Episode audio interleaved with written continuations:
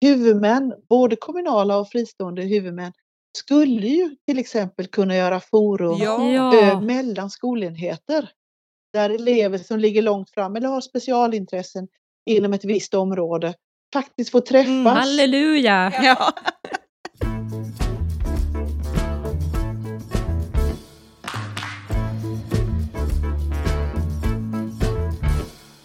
Välkommen till den här podden om högbegåvning med Mona Liljedahl, gymnasielärare i svenska och engelska, specialpedagog med erfarenhet från skolans alla hörn, författare, coach och föreläsare. Och med mig, Carola Ahlsson, engagerad och nyfiken förälder med mångårig erfarenhet av förändrings och utvecklingsprojekt i näringslivet. Vi är båda invandrade till Sverige från Finland. Vi undersöker högt begåvade elevers väg genom skolsystemet och livet genom att samtala bland annat med verksamma inom skolan, myndigheter, forskare och föräldrar. Det här avsnittet handlar om Skolinspektionens rapport Stimulerande undervisning för elever som ligger långt fram i sin kunskapsutveckling som släpptes i november 2022. Skolinspektionen har konstaterat att 24 av 29 skolor i granskningen har utvecklingsbehov inom området. Du får veta mer om Skolinspektionens uppdrag och hur ämnen och skolor väljs ut, vad som utmärker de fem skolor som inte har utvecklingsbehov och om huvudmannens roll för verksamheten. Gäst i avsnittet är Ulrika Rosengren som är utredare och ansvarig för rapporten. Ulrika Rosengren, Skolinspektionen. Hej Ulrika! Hej! Hej, det är Carola här. Och Mona, hej!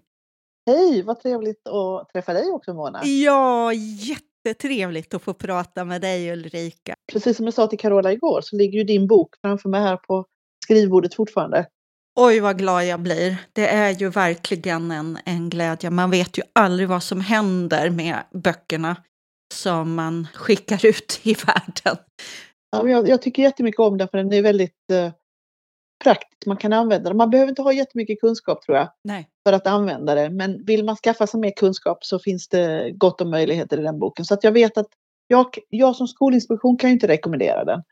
Men, ja, men vi, gör, vi gör ju inte. Nej, jag förstår. Eh, Men vi har ju citerat den och använt den på flera ställen i rapporten och jag vet att den har letat sig fram till både föräldrar och till skolor. Ja, jag blir så glad. Tack Ulrika. Det, det gläder mig så mycket för jag ville verkligen att skriva fram någonting som kunde putta på och hjälpa till.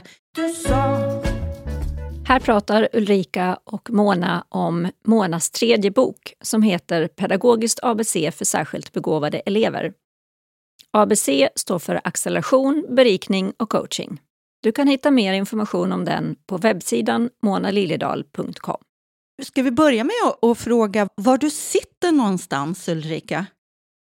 Just nu så idag, jag, jag arbetar hemma. Jag bor i Blekinge.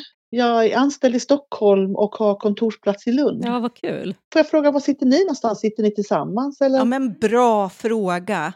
Vi sitter hemma hos Mona. Hon har bjudit in mig så vi sitter vid hennes köksbord och sitter mitt emot varandra Ja. eh, med inspelningsutrustningen här. Och jag bor på Södermalm i Stockholm. Just det. Och ehm, eh, vi ska säga också att eh, vi vill ju prata om den här rapporten, Stimulerande Mm. undervisning för elever som ligger långt fram i sin kunskapsutveckling. Jag tänkte, ni har väl också sett den andra rapporten som jag skrivit om utmanande undervisning för högpresterande elever på gymnasiet? Ja, Precis. Och jag citerar den eh, en, en del i min nya jag ihåg bok faktiskt. också. Ja, och du var med i den granskningen också mot gymnasiet. Jag var projektledare och skrev rapporten. Se där! Du, och, och Carola hade en fråga som hon, eh, hon tänkte på när vi träffades idag. ja, det var ju just det här om du har ett specialintresse kring just den här frågan. Jo, men det har jag ju faktiskt. För att jag har ju jobbat 20 år på universitetet. Jag har jobbat både som forskare och eh, lärare på universitetet. Och någon gång i mitten på 90-talet eh, där så blev det sådär, men varför fungerar inte en del studenter? De borde ju ha alla förutsättningar för att kunna fungera och komma vidare och utvecklas. Men eh, det gjorde de inte. Mm. Eh, och då blev det så mer och mer tydligt att vi hade en del studenter som var väldigt, hade varit väldigt högpresterande men aldrig lärt sig att bearbeta en text till exempel. Mm. Uh, aldrig hade fått skriva om, alltid bara hade fått, fått högsta vitsord på allting oh. de gjorde.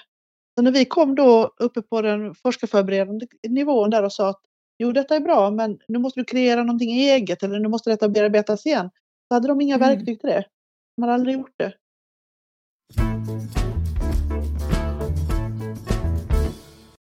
Hur skulle du presentera dig själv?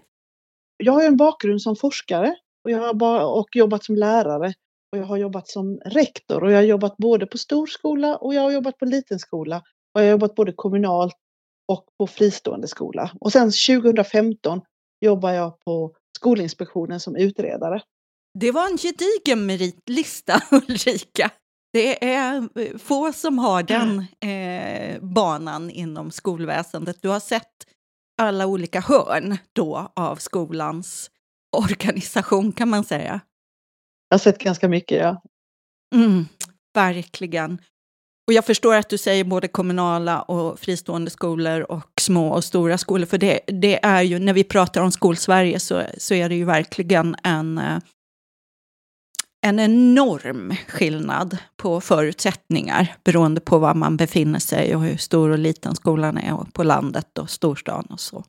Ja, och där skulle jag verkligen vilja säga, både från min, min egen erfarenhetsram när jag jobbade i skolans värld och inte minst nu när jag jobbat på Skolinspektionen under de här åren. Det är inte så enkelt som man kan säga att en liten skola är bra eller en stor skola är bra eller mm. fristående bra eller kommunalt bra. Utan det finns fantastiska bra eh, skolenheter i alla hörn av Sverige. Ja. Mm. Ja. Så det är liksom inte så enkelt som man kan säga att den här typen av skolor är bra. Utan en bra Nej. skola är bra. Och det genomgående draget jag ser, det är väl att skolan kan bli bra som en helhet om det är en bra rektor där. Ja, jag håller med dig. Ja. Skolledningen är, så jag brukar skoja och säga, eh, det kan man ju vända på, men skiten rinner uppifrån och ner. Men också det goda, eh, det friska rinner också uppifrån ja. och ner. Så med en engagerad och kompetent och ja. eh, bra skolledning så, så, så har man så oerhört stora förutsättningar att ge eleverna det de behöver.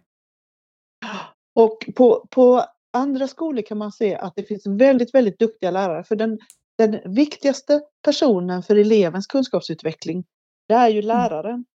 Mm. Och det kan finnas jätteduktiga lärare på skolor som inte har så bra rektor.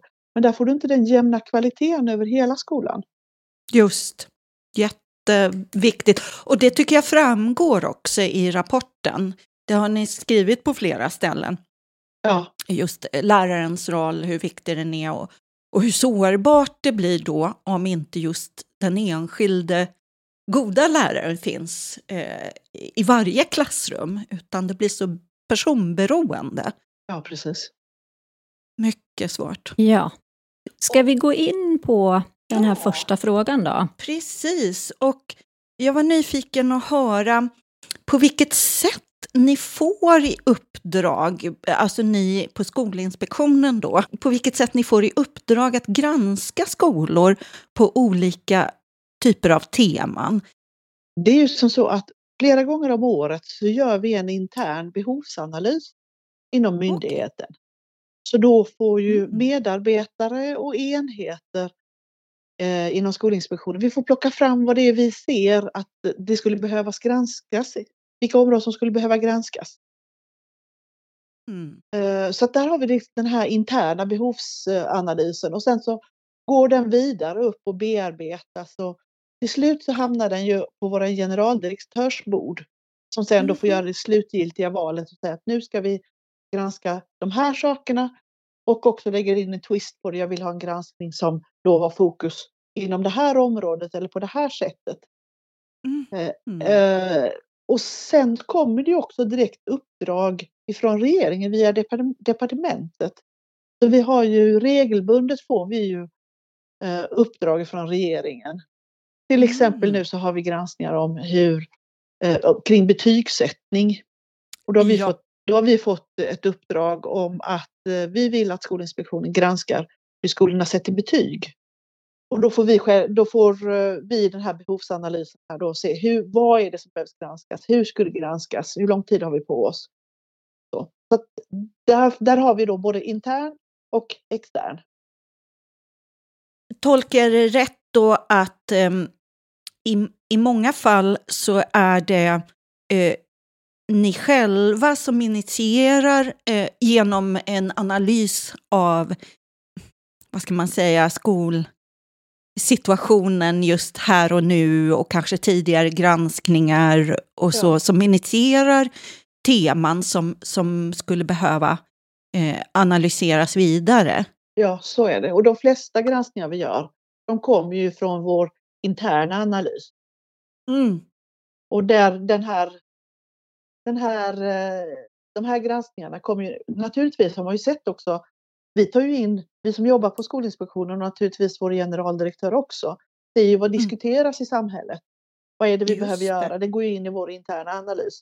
Men det här är ett sånt som är från vår interna behovsanalys där vi ser att ja, men vi har granskat mycket om hur det går för hur man arbetar med elever som har stora behov av stöd. Men Mm. vi har inte gjort så mycket för elever som ligger långt fram. Så att eh, så kom denna fram också. Ja, det är väldigt, väldigt, väldigt tacksamt eh, och, och också trögt. Och vi ska komma till lite fler frågor om det. Eh, och så tänkte jag höra också, hur väljs de granskade skolorna ut? Är det en generator eller hur går det till? Det är en rätt avancerad process där för att vi jobbar ju med flera olika tillsynsformer. Vi har ju naturligtvis den här regelbundna tillsynen. Vi har ju också den regelbundna kvalitetsgranskningen och de går ju med en regelbundenhet och rätt många skolor faller ju, faller ju in. De ska ju granskas inom den ramen av tillsyn och regelbunden kvalitetsgranskning. Så vi Mm. får ju titta, vi, kvar i våran pott finns ju de skolor som inte berörs av de här regelbundna granskningar. Ja, Så då, och då tittar vi till exempel på att man ska inte ha haft eh, man ska inte ha någon pågående granskning, man ska inte nyligen ha haft en granskning. Så successivt så blir det mindre och mindre skolor som vi får tillgång till att titta på. Eh, ibland så har vi ju då helt slump, slumpvis urval i den här kategorin, men vi har nästan alltid Mm. eh, vi har nästan alltid att vi styr det så att vi vill ha en del skolor i stora kommuner och en del skolor i små kommuner.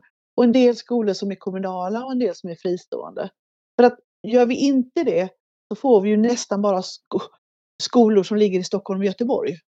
ja, Det är ju där de flesta en, enheterna finns. ja. Eh, och i det här fallet så hade vi en liten styrning av, eh, till en viss del så hade vi en styrning av eh, vilka skolor som föll ut. Vi ville till exempel här ha då skolor, några skolor som låg i områden med eh, föräldrar som hade låg skol, skolbakgrund. Mm, just det.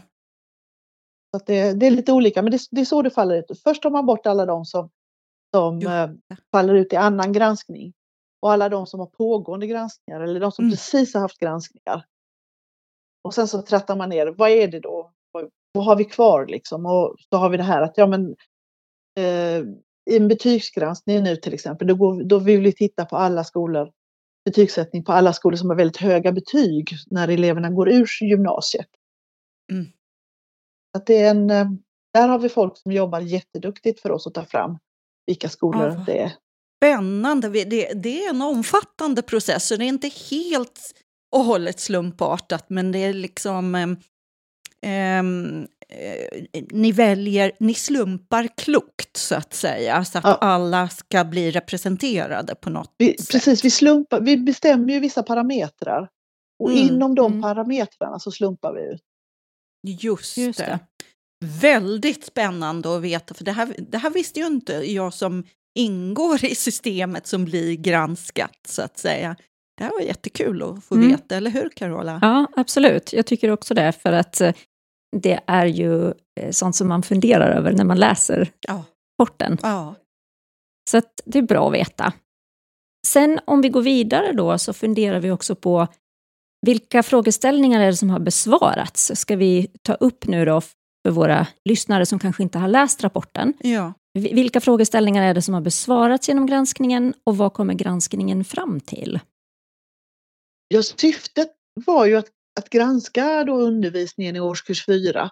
Att den genomförs på ett sådant sätt så att de här eleverna som ligger långt fram bibehåller sitt intresse och får möjlighet att nå längre. Och då hade vi två frågeställningar som vi jobbade med. Det ena var undervisningsnära. I vilken utsträckning arbetar lärare metodiskt vid planering och i undervisningen för att ge de här eleverna då eh, en möjlighet att nå längre. Och den andra handlar ju mer om skolans organisation och rektors, skolledningens stöd. I vilken utsträckning som den ger stöd för en undervisning som stimulerar de här eleverna som ligger långt fram. Så det är två delar i där, i de två ställena. Och eh, om jag ska fatta mig, försöka fatta mig lite kort här då så är det ju som så att vi såg ju mest vi såg ju mest, vi skrev fram mest utvecklingsområden på del två då, det vill säga att eh, rektors och skol, skolans eh, organisation som stöd Mm. för eh, en undervisning som ger eleverna möjlighet att nå längre. Eh, det var ju 24 av 29 skolor som fick då ut, eh, utvecklingsområde inom det här organisatoriska. Mm. Och de fem skolorna som då inte fick utvecklingsområde inom det organisatoriska, de hade inte heller några utvecklingsområde inom det undervisningsnära. Och vi kan väl se liksom Mm. att eh, vi har inte heller några genomgående skillnader. Eh, vi, kan, vi, kan, vi ser inget mönster liksom. Utan de, eh, det är fristående, och de här fem skolorna, de är fristående, de är kommunala, de är olika stora, de ligger i olika stora kommuner.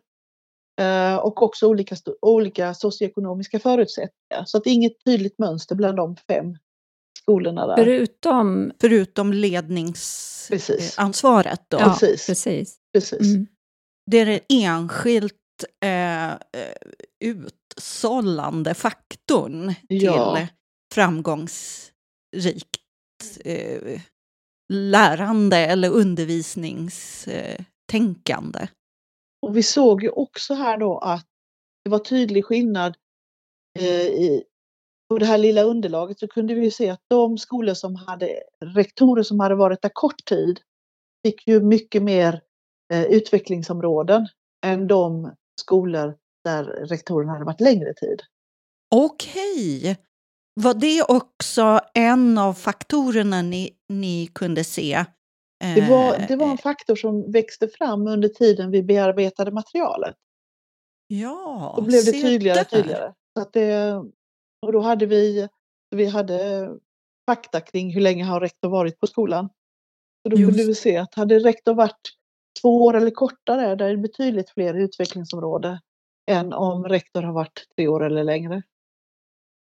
Inte så konstigt då Nej. egentligen. Nej. Om man är Nej. ny på jobbet så har man Ja. lite att jobba med helt enkelt. Precis. Mm. Och det vet man ju, och det, det har jag läst någon annanstans. Och det, ehm, för inte så länge sedan, att det, det är ju ett stort problem att det Ja. ofta är sån rotation på rektorspositionerna. Mm. Eh, av någon anledning, att man har sett att det är ett ökande problem Mm. för skolors arbete. Mm. Jag skrev ju den rapporten också om huvudmännens arbete på skolor med hög rektorsomsättning. Ja, det kanske var den jag läste. Se där Ulrika! Där såg vi också väldigt, där framgick det också väldigt tydligt eh, när vi intervjuade lärarna att Mm. om inte huvudmannen var proaktiv när det kom en ny rektor så avstannade mycket av utvecklingsarbetet på skolan. Mm. Men det var Mm. inte så att det var tvunget till att bli dåligt om man hade en ny eh, hög omsättning på rektorer. För vi hade några huvudmän som jobbade väldigt proaktivt eh, och Ja. satte in rektor så snabbt så att rektor snabbt blev eh, kom in i sitt arbete och då såg man väldigt få effekter av att eh, det var rektorsbyten. Och man hade det här organisatoriska minnet och så.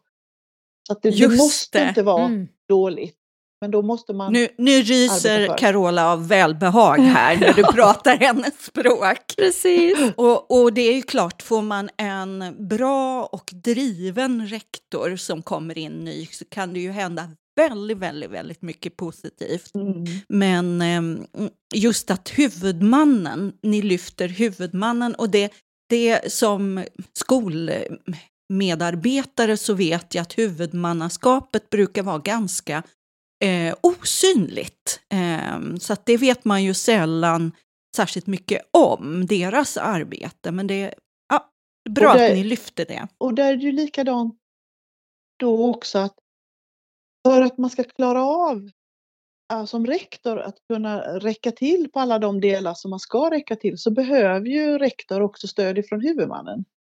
Just precis. Så att det, går, det är ju den här kedjan.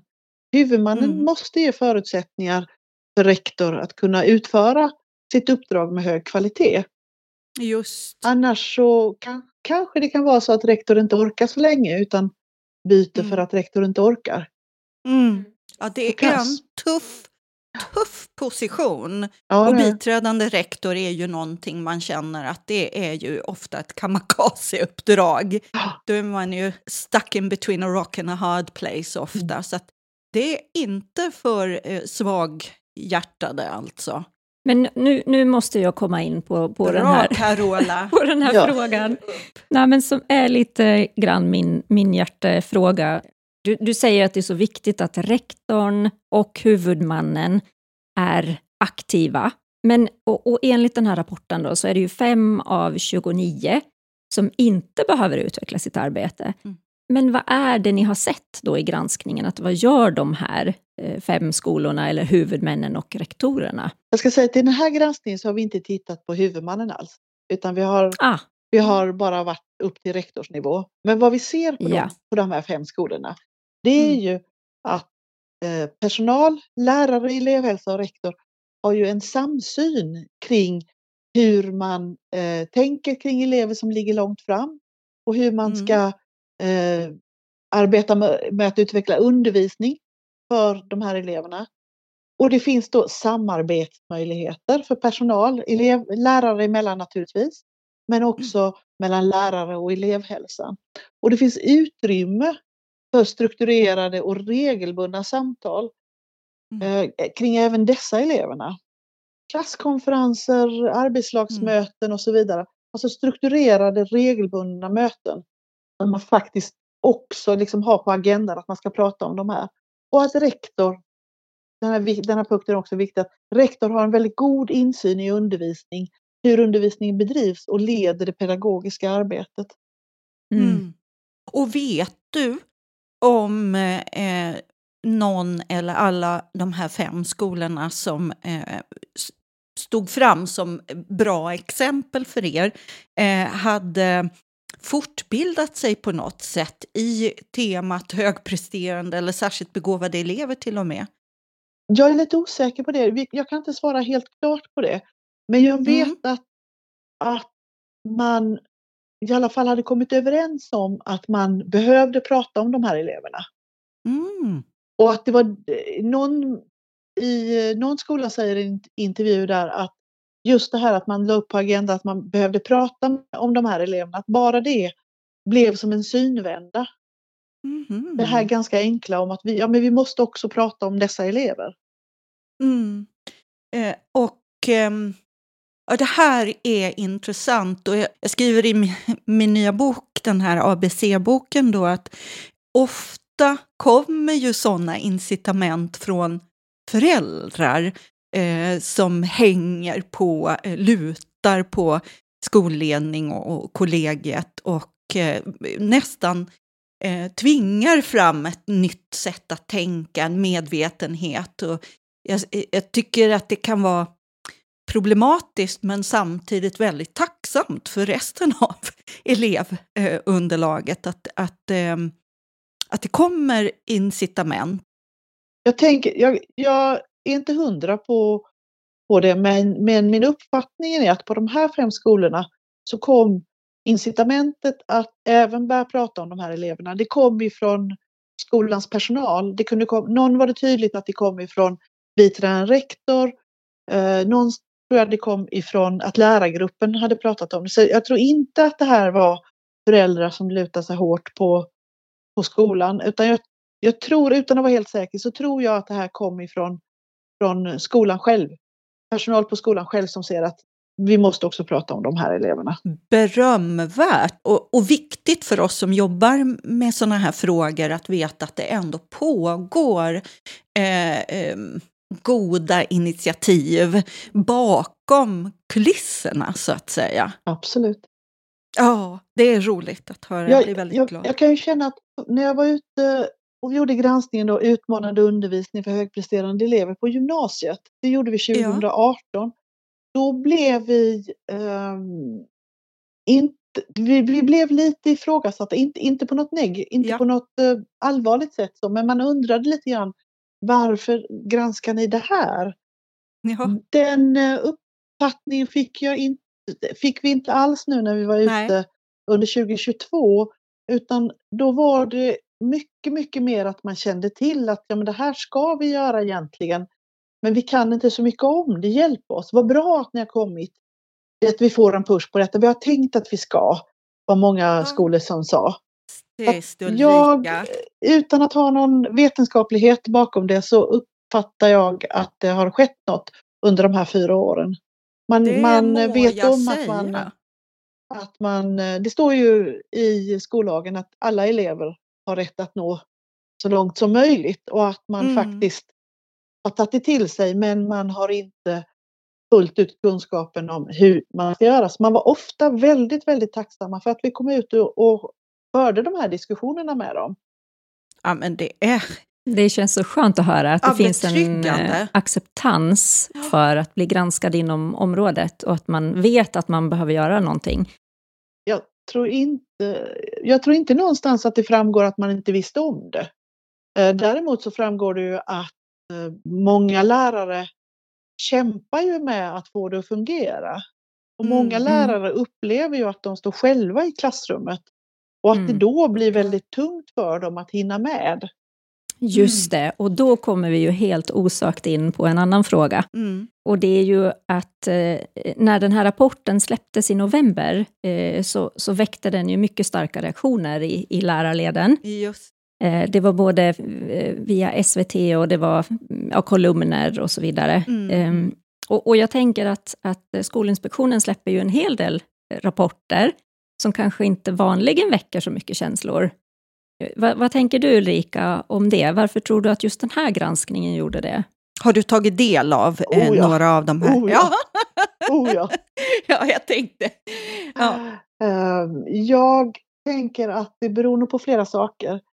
Mm. Jag tror att dels kanske det var så att det blev kanske droppen som fick bägaren att rinna över. Mm. mm. Sen tror jag också att många, precis som jag säger, det finns ju ett enormt behov av att kunna ge elever som behöver stöd, att ge dem tid och, och, och det här stödet. Mm. Och jag förstår, och jag, jag har ju själv varit i klassrummet så jag, jag vet ja. hur svårt det kan vara att räcka till. Ja. Uh, så att, men då tänk, så att jag tänker att det var de här två sakerna. Och då tänker man att det viktigaste, om jag, har inte, om jag inte har tillräckligt med tid, då måste jag prioritera de som inte, de som inte klarar sig.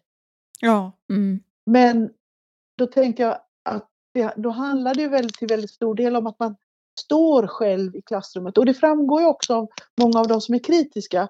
De säger att ja, ja, ja, ni kritiserar det, på en, det ska kritiseras på en övergripande nivå, men det sipprar ändå ner till mig ensam i klassrummet. Ja. Och då är vi precis där. Mig ensam i klassrummet.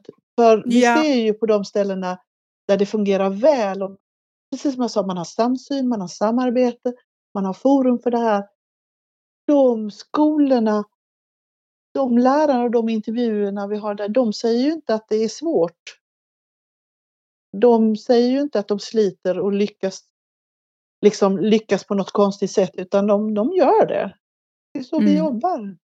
Och, och på, bara för problematiseringens skull då, mm. de här fem eh, positiva skolorna, då, om vi kallar dem så, eh, hade de också stora klasser? För i de här kritiska eh, kolumnerna och sådär så så tog man upp, jag har 28 elever i klassrummet, vad tror ni? Eh, hur stora var klasserna där? Det är stor variation, precis som jag sa. Där. De är olika, skolorna är olika stora, klasserna är olika stora. En skola ligger i ett mycket socioekonomiskt utsatt område med en ganska stor klass. Eh, en skola mm. som tidigare har haft mycket stora, om vi nu går tillbaka 5-7 år, så har den skolan haft mycket, mycket stora problem. Men ja. idag skulle jag, vilken dag i veckan skulle jag sätta min, mitt lilla barnbarn där när han växer upp. Ja.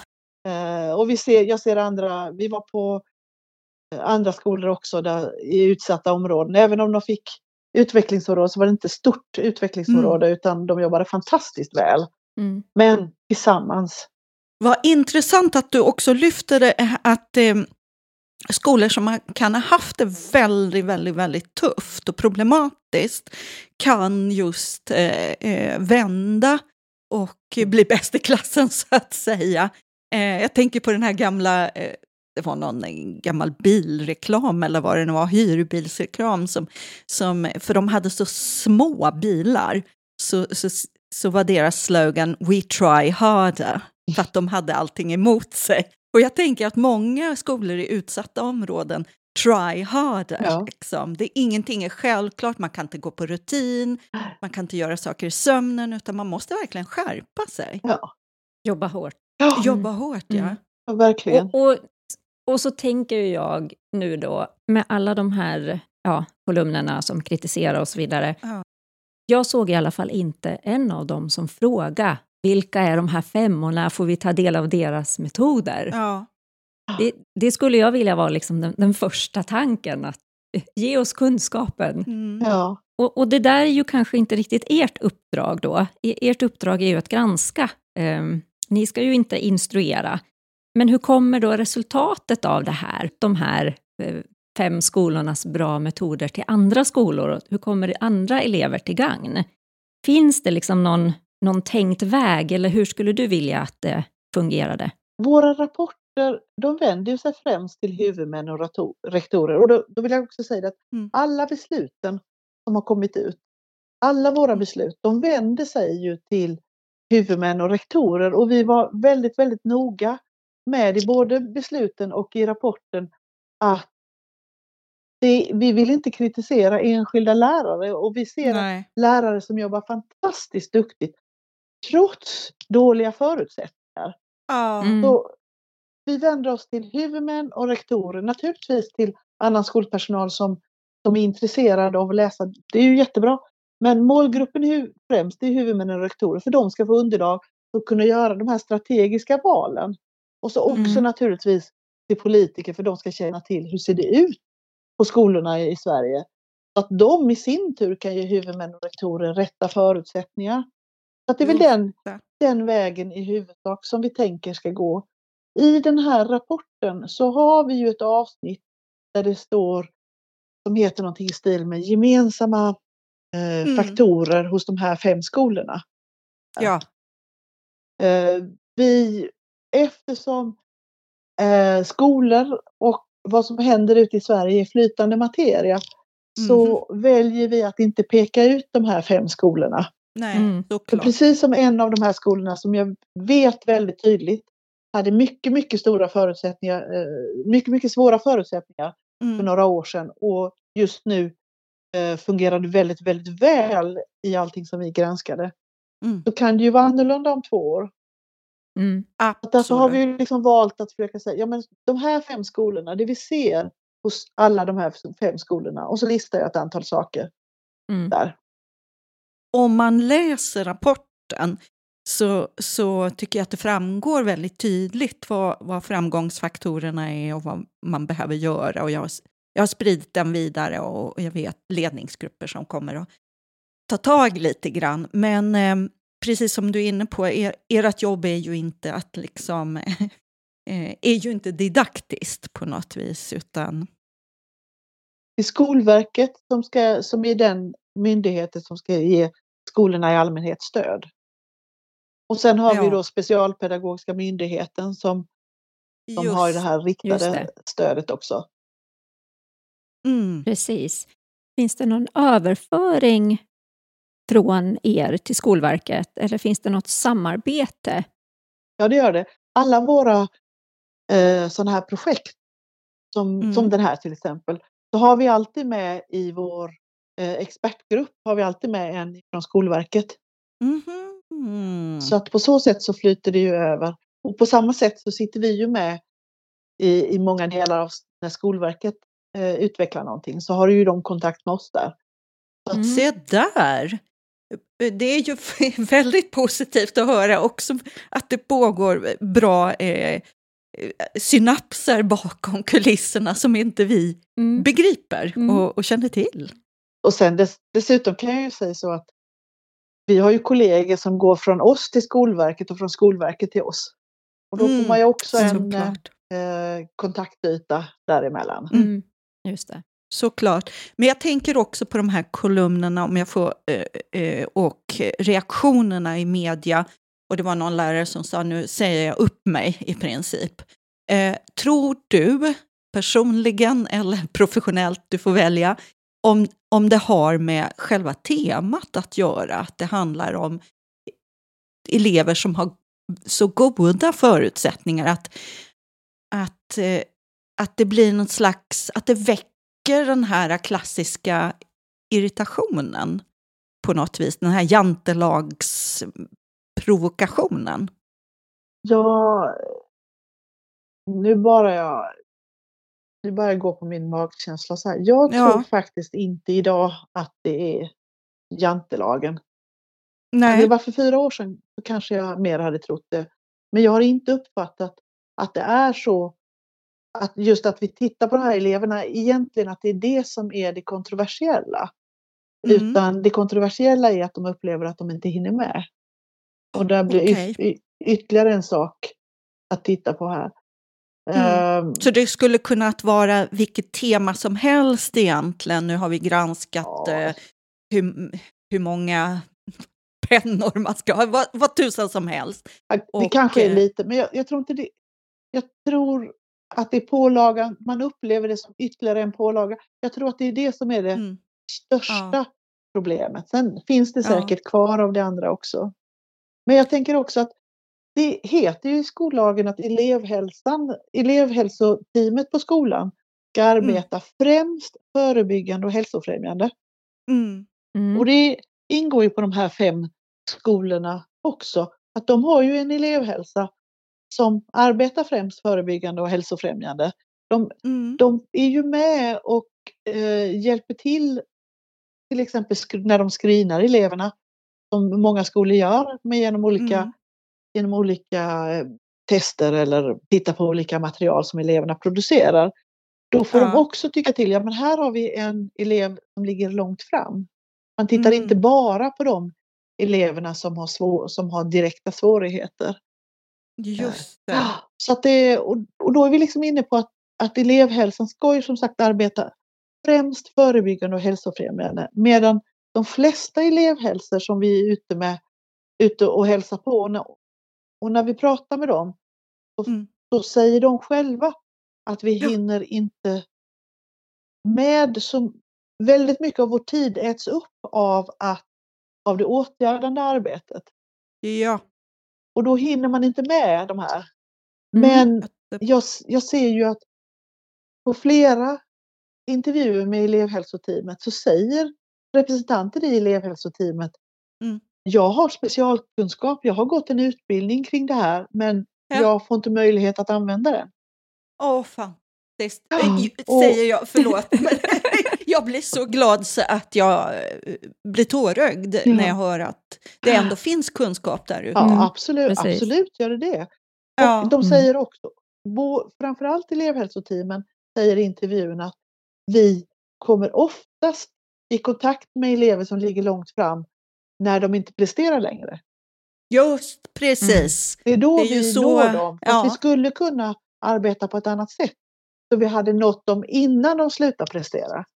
Exakt. Ja, för det är ju en, en, i varje fall som det händer så är ju det en, en personlig tragedi, tänker jag säga. Ja. Ja. Och det är, lärarna säger ju likadant. I Ja. flera, eh, Mm. inte överallt, men på, efter haft den här, pratat om det här ämnet ett tag så i flera lärargrupper så säger ja men vi har nog en del av de eleverna som stökar i de här Mm. klasserna. De är nog Ja. egentligen sådana som skulle kunna ligga långt fram om Ja. de Mm. hade fått rätt stimulans och utmaningar. Ja, det stämmer. Alltså jag blir väldigt glad att höra att tankarna ändå finns, men att ofta så är det organisatoriska faktorer som tar emot. Och jag ska eh, också säga för att i elevhälsoteamet, det är ju ganska godtyckligt eh, hur man uppfattar att vilka som ska ingå där. Men eh, och ofta när man pratar elevhälsoteam så, så tycker jag att man glömmer skolsköterskans roll till exempel. Där har jag haft jättebra skolsköterskor som har lärt sig Mm. om det här temat via mig och kunnat plocka in de här tankarna i hälsosamtalen som de har tre gånger under grundskolan där de ställer frågor om lärandet och, Ja. och måendet i lärandet. Alltså det är ju en guldgruva, Men det, varje elev. Vi ser ju just Mm. det här på de här fem skolorna. Där har de ju elevhälsoteam som fungerar bra. De, arbetar, de får arbeta även med de här eleverna förebyggande och hälsofrämjande. Och man har det här Mm. samarbetet inom elevhälsoteamet med rektor och med lärarna. Där. Så det är ju absolut en, stor, en stor framgångsfaktor där. Det, finns, Ja, en, det finns mm. en annan sak jag skulle vilja lyfta fram också som Ja. också framkom på några av eh, våra, våra eh, intervjuer där. Det är ju att det är lätt att undervärdera kunskaper hos elever som inte kan svenska så bra. ja, tack. Här, Mm. här finns nog ett Mm. ganska stort, verkligen ganska stort mörkertal. Och i skolor med många språksvara elever så, så kan man ju arbeta med hjälp av studiehandledaren och vi fick också några sådana goda exempel. Eh, vi fick på ett, ett skola till exempel så upptäckte, studi- så upptäckte läraren genom studiehandledaren en, en pojke som var väldigt avancerad i sitt skrivande.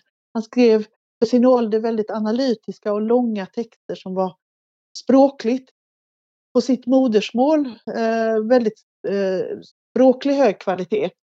Och Ja. där blev det samarbete mellan läraren svenska och den här modersmålsläraren då Mm. som eh, där läraren i svenska gav, gav uppgifter och studiehandledaren eh, hjälpte eleven att genomföra det och också överförde eh, så att läraren kunde bedöma, göra bedömning. Hur har det gått och vad är det som, vad är det som funkar och vad är det som inte funkar? Och vi tog också sånt på matematik till exempel med, med elever som inte kunde svenska så bra så de kunde inte lästalen. Men de fick jobba med, med avancerad, mer avancerad matematik utan, där det inte behövdes lästalen. Liksom. Just Mm. det. Just det. Alltså här, det är jätte, jätte, jätteviktigt och att du lyfter det här. Och det, det framgår ganska tydligt också i, i rapportens senare delar, just det här som du lyfter nu. Och jag är väldigt tacksam att du, du gör det för att vi har enormt många språksvaga eh, elever på svenska alltså. Eh, Ja. och det är inget nytt och det kommer komma fler. Och här ligger vi efter. Och får jag önska mig någonting, eh, en granskning, så skulle det vara hur man arbetar för att främja de här elevernas språkutveckling i svenska eh, på skolorna och hur man arbetar med att ta emot nyanlända elever. För det här är så godtyckligt så jag, mitt hjärta går sönder alltså. Ja, det var en liten passus. Mm, Din hjärtefråga. Mm. Ja, Vi har gjort eh, någon granskning tidigare men det är absolut det finns absolut mer, mer att göra här. Mm. Eh, och jag tänker också att de här goda exemplen, det kommer Ja. ju från skolor i områden eh, som är socioekonomiskt utsatta. Det, Mm. det, där vi då Mm. har varit och besett att föräldrarna har, har låg utbildningsbakgrund här då. Och det är precis som ni sa här, som du, du nämnde här tidigare. Ja, men har man Mm. stora utmaningar så kanske man måste jobba hårdare och jobba mer tillsammans.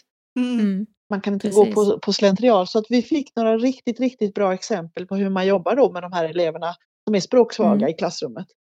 Mm. Att det, det går. ja, och det var ett jättebra exempel, alltså att utöka också. Här är ju rektor avgörande då för att möjliggöra modersmålslärarnas arbetstid, att utöka det för att Ja, främja här- de här eleverna. I de här fallen så var det ju faktiskt inte modersmålsläraren, för de är ju ofta väldigt eh, upp, upptagna, utan det var Ja, studiehandledare, vet. Mm. studiehandledare som hjälpte till här. Ja, just det, det också. Så det måste inte vara modersmål. Det kan ju naturligtvis vara modersmålslärare, men det måste inte Mm. vara det. Nej.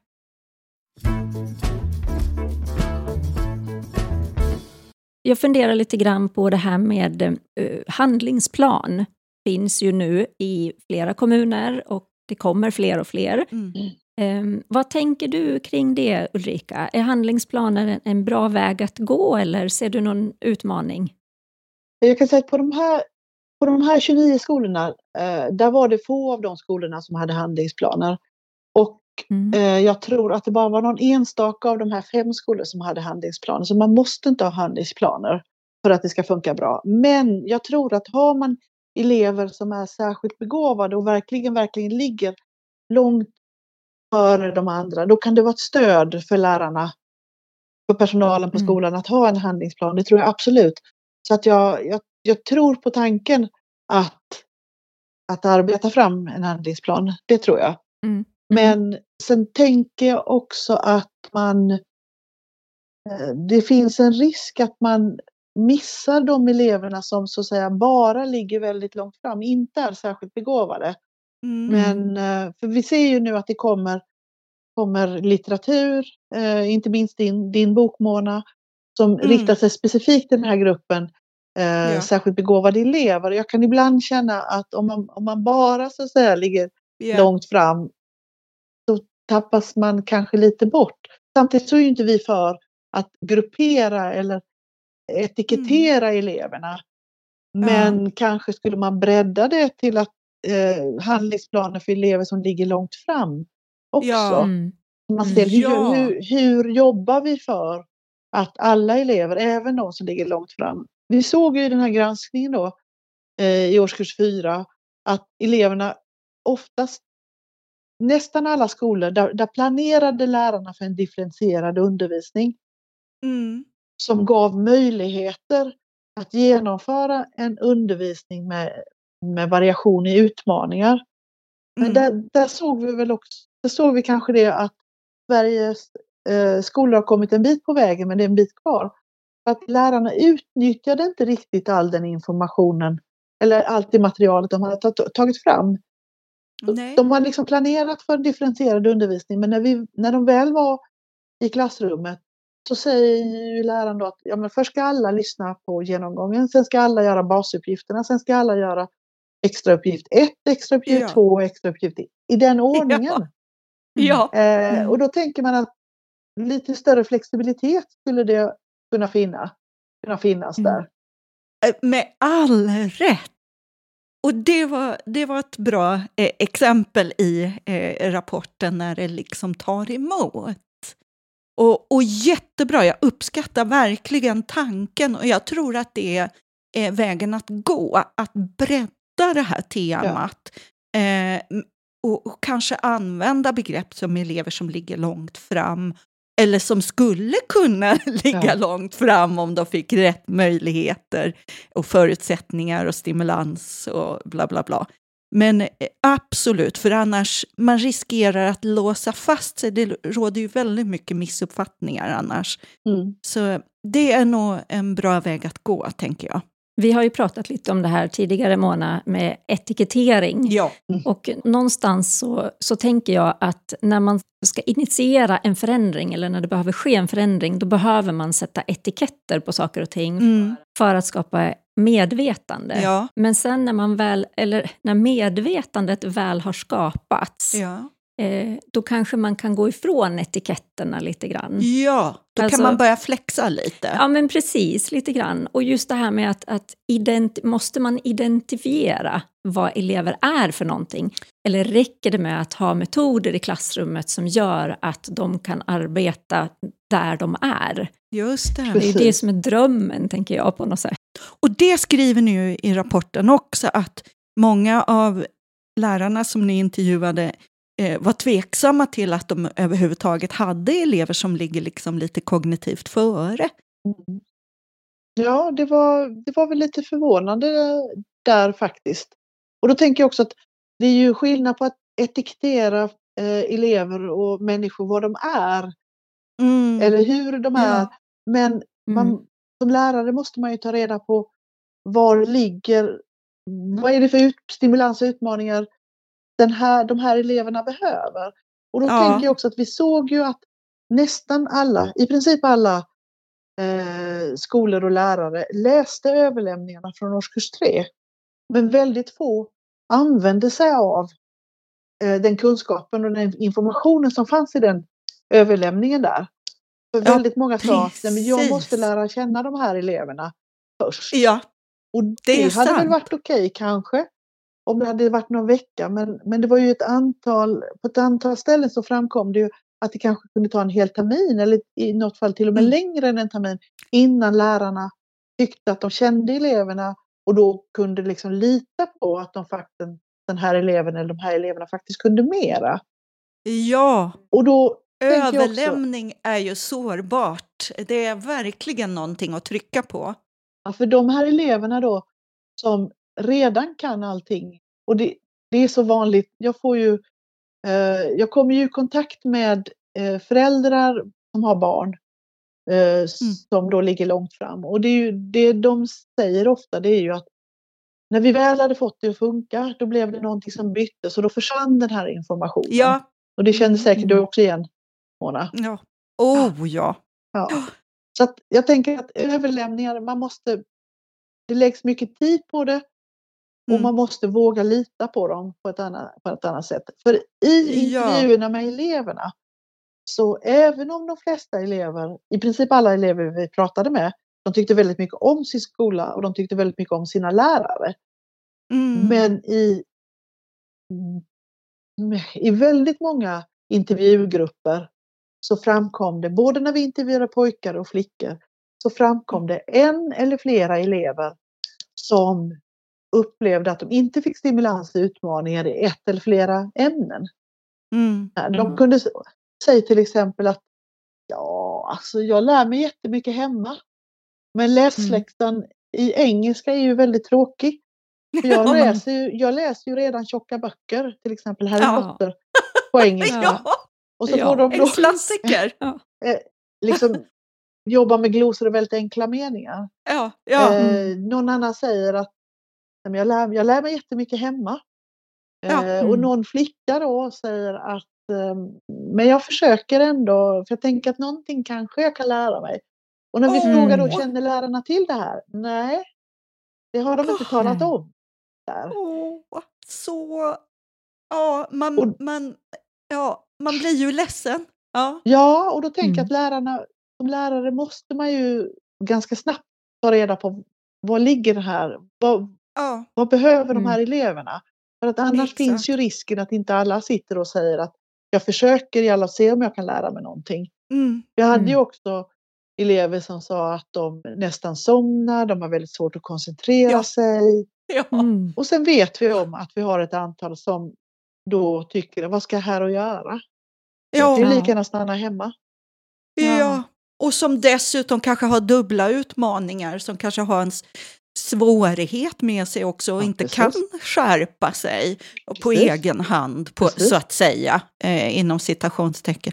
Och jag brukar, apropå med det här med överlämningar och att det är så sårbart, jag brukar uppmuntra när jag är inne och fortbildar eh, personal så brukar jag uppmuntra att skriva eh, slaskanteckningar om elever de arbetar med, även eh, utmanande och stimulerande. Så att de inte, folk inte går runt med sånt här i huvudet. För försvinner den personen så försvinner informationen. Ja. Eller eh, det räcker med ett jullov så är det borta. Så skriv slaskanteckningar så kan man extrahera det sen till överlämningen. Alltså det här har vi gjort, det här funkade. Det här funkade inte, det tyckte han var eh, blä. Eh, men det här spåret eh, var rätt spår att gå för oss. Alltså, och då blir folk tokiga. Ska vi skriva, dokumentera ännu mer? Men det här är ju inte... några formella krav utan bara så att man vet vad det är man har gjort. Vi är dåliga på att utvärdera vårt eget arbete på det sättet. Ja, det, det, det kan jag nog hålla med om. Jag tänker också att det framkom ju på många ställen att det fanns en osäkerhet kring att hitta elever som ligger långt fram. Ja. Men Ja. på de ställen där man faktiskt pratade om de här eleverna, de Mm. tyckte ju inte att det var svårt att upptäcka elever som ligger långt fram. Så det handlar ju om Mm. att man inte har pratat om den här elevgruppen. Jag menar, Mm. det finns ju till exempel att du, mär, du märker ju på svarar eleverna, eleven på frågor, svaret på frågan eller ställer den en motfråga. Eh, språkligt sett. Eh, man kan se liksom hur, hur pratar eleven kring ett ämne. Alltså att det, Mm. Mm. när du väl har uppmärksammat det så tyckte ju inte, på de skolorna man väl har uppmärksammat det, så tyckte ju de ju inte att det var svårt. Just det, så samtalet är lösningen egentligen. Ja, jag tror att mycket kan ligga i där och det framkommer ju också väldigt tydligt både i utmanande undervisning på, gymnasiet och den här undervisning, eller här i årskurs 4 att lärare som har tänkt kring det här, de säger ju det att det är i det utforskande samtalet som Mm. elevens tänkande utmanas. Ja, Mm. Och precis. då får du också information om, som lärare, då kan du också få information om var ligger den här eleven? Ja, och då kommer vi tillbaka till de här reaktionerna. Hur ska jag hinna det med varje elev när jag har eh, 8 gånger 28 grupper? Eh, och då kommer den här eh, såriga känslan Ja. igen, att jag Ja. räcker inte till. Ja, precis, jag räcker inte till. Nej, precis. Men Ja. då måste jag koppla tillbaka till det du sa innan Ulrika. Att på de här fem skolorna räcker de till. För att de har arbetsmetoder Gör. som man inte har på de andra skolorna. Och Mm. mycket att man, att man har pratat om eleverna, man har samsyn och man Mm. hjälps åt. Man Verkligen, ja. samarbetar kring det här. Mm. Eh, och inte minst samarbetet med, med elevhälsan där då. Och att Precis. rektor faktiskt känner till och ser god insyn i un, undervisningen där och ser vad, vad, är, vad är det för stöd som den här lärargruppen behöver här. Mm. Mm. Mm. Men då måste jag ställa frågan också. Eh, vi pratar om rektorn som pedagogisk ledare. Ja. Eh, kan du säga med den information du har om rektorn på de här fem skolorna agerar som en pedagogisk ledare? ja. Ja.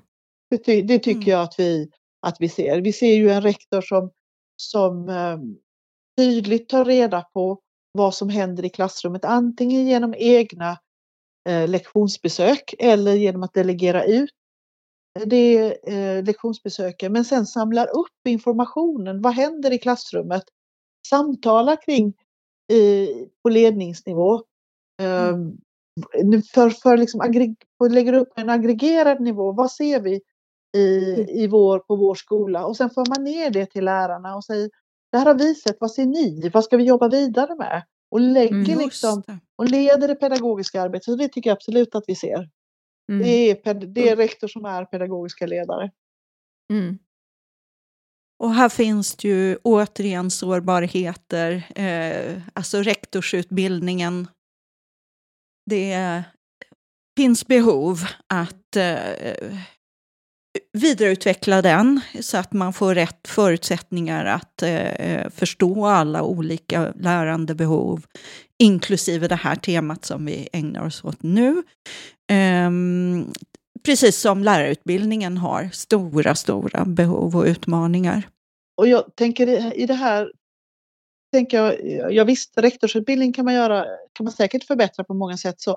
Men jag tänker det tydliga är ju att jag tror att det finns en väldigt stor potential från huvudmannens sida. Mm. Eh, att huvudmannen, och det är många rektorer som säger i båda granskningarna, att huvudmannen efterfrågar sällan hur, hur den här gruppen elever som ligger långt fram, hur de utvecklas. Hur det går. Mm. Utan man, mm. frågar bara, man efterfrågar bara resultat, klarar de lägsta nivån? Mm. Där. Uh, och hade huvudmännen börjat samtala kring de här eleverna, då, då tror jag att man får en, en, effekt, en stor utveckling ner till, eh, till rektorerna. Och jag tänker också att mm. huvudmän, både kommunala och fristående huvudmän, skulle ju till exempel kunna göra forum ja. mellan skolenheter. Där elever som ligger långt fram eller har specialintressen inom ett visst område faktiskt får träffas. Mm, halleluja! Ja. faktiskt får träffas och få stimulans och utmaningar inom de områden som eleverna har en väldigt stort särskilt Just, intresse för. precis. Det är väldigt få huvudmän som, som tar den ja. möjligheten. Och jag tänker att där finns, eh, där finns säkert väldigt mycket att, att vinna. Det finns huvudmän som gör det, men, men jag tror att väldigt mycket, många fler huvudmän oh, skulle kunna ja. göra det. Och kanske på en relativt liten insats på en ganska ja, stor utveckling. Verkligen, och det framgår ju också i rapporten att någon skola arbetar med att eh, barnen får, eh, de här årskurs fyra eleverna får möjlighet att samtala med gymnasieelever. Och, och det är ju mm. föredömligt. Och eh, eh, är man då en kommunal skola så borde det ju vara busenkelt att eh, få till, äv även om det kräver en viss ansträngning. Och då måste jag koppla vidare den här remissen som, som ni på Skolinspektionen har svarat på nu då, att elever ska lättare få läsa i snabbare takt och på en högre nivå. Och där finns ju just det här förslaget att, att man ska kunna läsa eh, stad, alltså, stadieövergripande. Ja, men exakt, precis. Ja, om jag läser bara upp vad, vad som finns där i lagförslaget så är det ju att eh, Läroplanen ska ändras för att eh, ytterligare betona skolans ansvar för särskilt begåvade och högpresterande elever. Och rektorn har ansvar för att, att de ska kunna läsa på en högre nivå. Rektorn ska också kunna besluta om stadieöverskridande studier. Eh, elever i gymnasiet ska kunna läsa högskolekurser och huvudmannen ska kunna besluta om andra lärotider. Högskolekurser ska få ingå i ett utökat program i gymnasiet och eleven ska kunna läsa gymnasiet snabbare.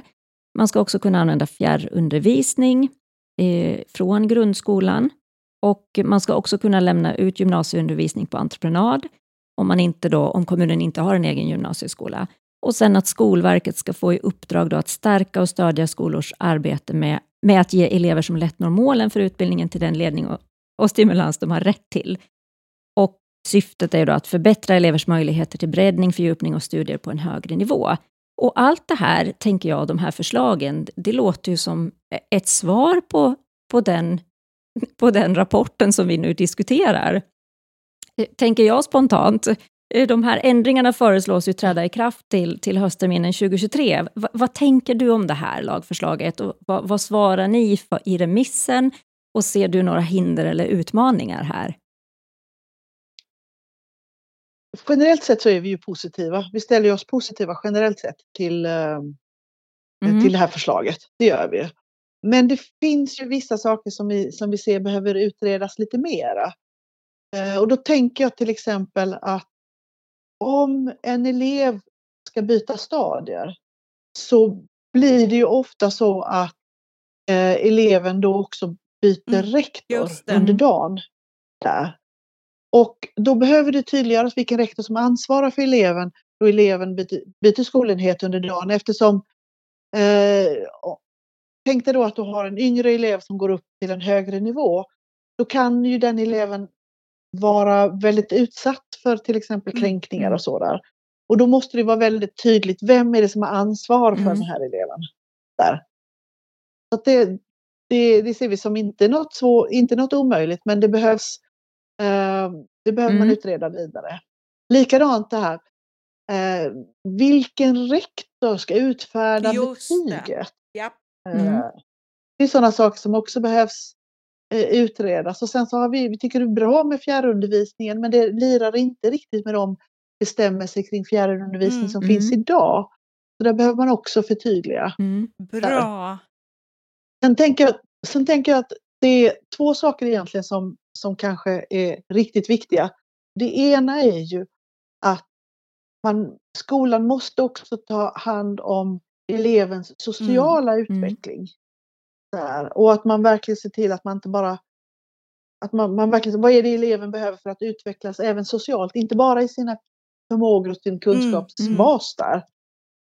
Eh, och då blir ju elevhälsan naturligtvis Mm. väldigt viktig. Precis, där. och då kan det bli en annan elevhälsa eh, om eleven byter skola för att stadie eh, hoppa.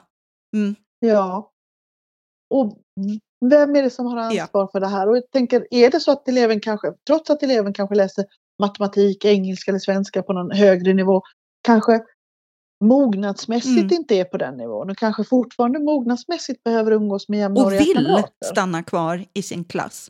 Mm. Och, ja, så där, där tycker vi att det var inte riktigt, det behöver man tänka lite mer på hur man Mm. ordnar den biten. Men en annan sak som jag tycker är viktig det är ju att om du får en elev som avancerar genom skolsystemet snabbare än Mm. Ja. andra elever, då måste man ju se till att eleven i andra änden när eleven kommer ut Mm. så att säga, inte blir Ja. ståendes där utan vad kan, vill eleven Ja. läsa vidare på en universitet eller högskola, kan eleven komma in? Exakt. Och där blir ju då det här Skolverkets uppdrag eh, att informera högskole, högskolor Ja. och universitet om att de här eleverna Du kanske kommer. Och sen också, tänk- då att du har en elev som kanske är jätteduktig, ofta ser vi det i matematik, men det finns ju andra Absolut. Mm. ämnen också, det kan ju vara engelska, svenska. Så att de läser igenom grundskolan och sen så också alla gymnasiekurserna Ja, Mm. där. Eh, Men in, inte hela gymnasiet. precis. Vad händer då den tiden när eleverna har läst klart de här? eh, Då måste man ju se till att ele, eleven faktiskt kan fortsätta Ja. utvecklas. Då läsa högskolekurser då. Så att man inte blir Halvtidshemmasittare, liksom. precis. Det är ju djupt Precis. eh, olyckligt om det bara avstannar. Ja, Ja. det har du Mm. så rätt i. Ja. Så att det, det lyfter vi i vårt svar. Men generellt sett, på det hela taget så är vi på det övergripande planet är vi positiva till eh, Mm. den promemorian. Mycket bra invändningar så att man tänker i alla led och inte bara skyndar hastigt utan inte fort och fel utan lagom långsamt och bra. Nej, det... Ja, så man ser, okej nu, nu går vi vidare här, Just men vad det. händer sen? Mm. Vad blir Ja, nästa steg? och att man inte använder elevers snabblärdhet som någon slags avancerad pedagogisk utvisning. Att ja, men då måste du stadiehoppa här. Eh, hej då! Lycka till! Sant. Och förskjuter mycket sant. ansvaret till eleven och elevens föräldrar att eh, ombesörja liksom, måendet och Mm. sociala. Ja. Jag, jag tänker att de flesta, som, de flesta elever som ligger långt fram, de mår ju väldigt bra av eh, det, vi, det vi pratar om acceleration och berikning. Att man till viss del får accelerera men också att man kan få fördjupa sig i, Ja, i ett ämne. Där, så man kan man inte måste rusa vidare Precis. till nästa stadie utan man faktiskt kan få fördjupa sig i ett, ett ämnesområde eller ett delområde inom det här ämnet som man har ett Mm, intresse mm, för. precis. Och det, det skulle jag nog eh, lyfta fram som det allra viktigaste. Och liksom jag försöker särskilja på... Men berikning kan ju också innebära acceleration och tvärtom. Eh, men om man ser acceleration som en formalitet, att det handlar om liksom eh, kursramar och betyg, eh, så är ju berikning eh, mycket viktigare på många sätt. Även om elever också behöver se att det, det betyder någonting, det de gör och, och uppnår förstås. Men jag skulle nog se. B som det största benet att stå på helt enkelt. Mm. Och då tänker jag också att det är ju eh, att få en acceleration över stadier så det, det, det tycker jag är bra så men det är ju, det är ju ett större arbete och ansvar Mm. Ja, det är mycket. än själva berikningen. Men även om eleverna då antingen då accelererar framåt eller då jobbar med berikning så måste ju eleven, eleven har ju rätt till en undervisning Ja, av en mm. lärare. Man får liksom inte tappa bort det. Och det, det tycker jag de här lärarna sa väldigt bra som, som eh, hade tänkt och jobbat mycket med det här. De, de sa ju liksom att det, det är just det här samtalet mm. där, som gör att elev, man utmanar eleven ja. i sitt tänkande. Mm. Alltså man får inte glömma bort den här eh, mm. interaktionen med en lärare. Ja. Sen tänker jag eh, också när vi pratar om de här olika benen nu, A, B och C, att eh, det också är så individuellt. Ja, väldigt. Det finns ju exempel på elever som mår jättebra av att accelerera mm. och eh, mår bättre socialt. Och så finns det de som absolut inte vill accelerera, utan verkligen vill ja. vara kvar i sin klass. Och, och det är ju också ett... Det är inte säkert att eleven själv kan formulera Nej. sitt behov. Nej. Så det måste också finnas utrymme för eh, att testa man behöver ha en stor ja. verktygslåda mm. inom skolan mm. som uppmuntras av skolledningen mm. och i förlängningen då huvudmannen. Precis. Mm. Ja, ja, men absolut. Det, det är ju eleven, det är inte så att man, behö, man, ska ha, man ska tänka sig att läraren ska ha 28 olika undervisningsstrategier. Mm. Men man måste ju tänka på att eh, eleverna är olika och man måste, man måste kunna testa. Och då tänker jag att i den här granskningen så visar ju i de flesta fall så gör ju de flesta lärarna mycket goda differentierade ja. planeringar. Mm. Så att jag tror att man skulle komma ganska långt genom att bara utnyttja den differentierade planeringen som lärarna i den här granskningen faktiskt mm. genomför. Att, eh, men man måste, man måste tänka på att, att, precis som ni säger där, att man måste kunna testa, är det här bra mm. eller ej? Och eh, mm. utvärdera. Helt rätt. Det. Och här, här har jag så många önskemål för eh, utvecklingen av lärarutbildningen, alltså när det gäller just differentieringstänkande, anpassningstänkande och så vidare. Det är så få av oss som får med oss rätt verktyg. Så, men det är en annan diskussion. Ja, precis. Ett annat avsnitt helt ja, enkelt det kan vi säga. Ja. Men Ulrika, tusen, tusen tack för ja. alla dina kloka ord och för den här viktiga rapporten. Ja. Tack så jättemycket för att jag fått vara med och prata om så viktiga ämnen. Jag har en enda sista fråga till dig som eh, du kanske Jaha. inte behöver svara på nu, men som du kan ta med dig och tänka på. Eh, vem tycker du mm. att vi borde intervjua? Jag har några olika förslag. Ja. Jag tycker ju att ni borde intervjua kanske Eva Pettersson mm. ja. På Blekinge Tekniska Högskola. Hon har varit expert eh, på, våran, på våra granskningar och det är hon som bland annat driver den här eh, matteportalen mm. och mattepodden Jajamän. där. Hon är väldigt intressant. Sen tänker jag att det kanske kunde vara intressant att intervjua någon av de rektorerna oh! som, eh, på de här fem skolorna. Oade vi i kör här. Det vore jättebra. Verkligen. Men det finns ju också en på Skolverket som är väldigt duktig. Hon står som expert i vår eh, rapport. Okej, okay. ja. Hon är också väldigt, väldigt duktig inom området. Men sen tänker jag att Eh, det finns ju lite grann som, det kommer ju böcker här nu kring forskning kring särskilt begåvade mm. elever och mm. i klassrummet och så. Men som jag sa till Carola igår, eh, det vore ju väldigt intressant om ni eh, gjorde lite mer kring huvudmannen. Ja, ja precis. Men jättefint. Tack så mycket. Ha det jättebra. Tack så mycket. Ha det ha gott. det så gott. Hej då. Hej då. Hej. Hej. Gillar du vad du hör? Följ oss gärna i sociala medier. Sök på Begåva eller Begava. Där kan du också komma i kontakt med oss. För mer information om Monas böcker och kurser eller för att boka coaching eller en föreläsning besök webbsidan begova.se eller begava.se. Gillar du musiken? Mona ligger bakom den också tillsammans med sitt band Obsona som du hittar på Spotify det stavas med Z. Vi hörs snart igen.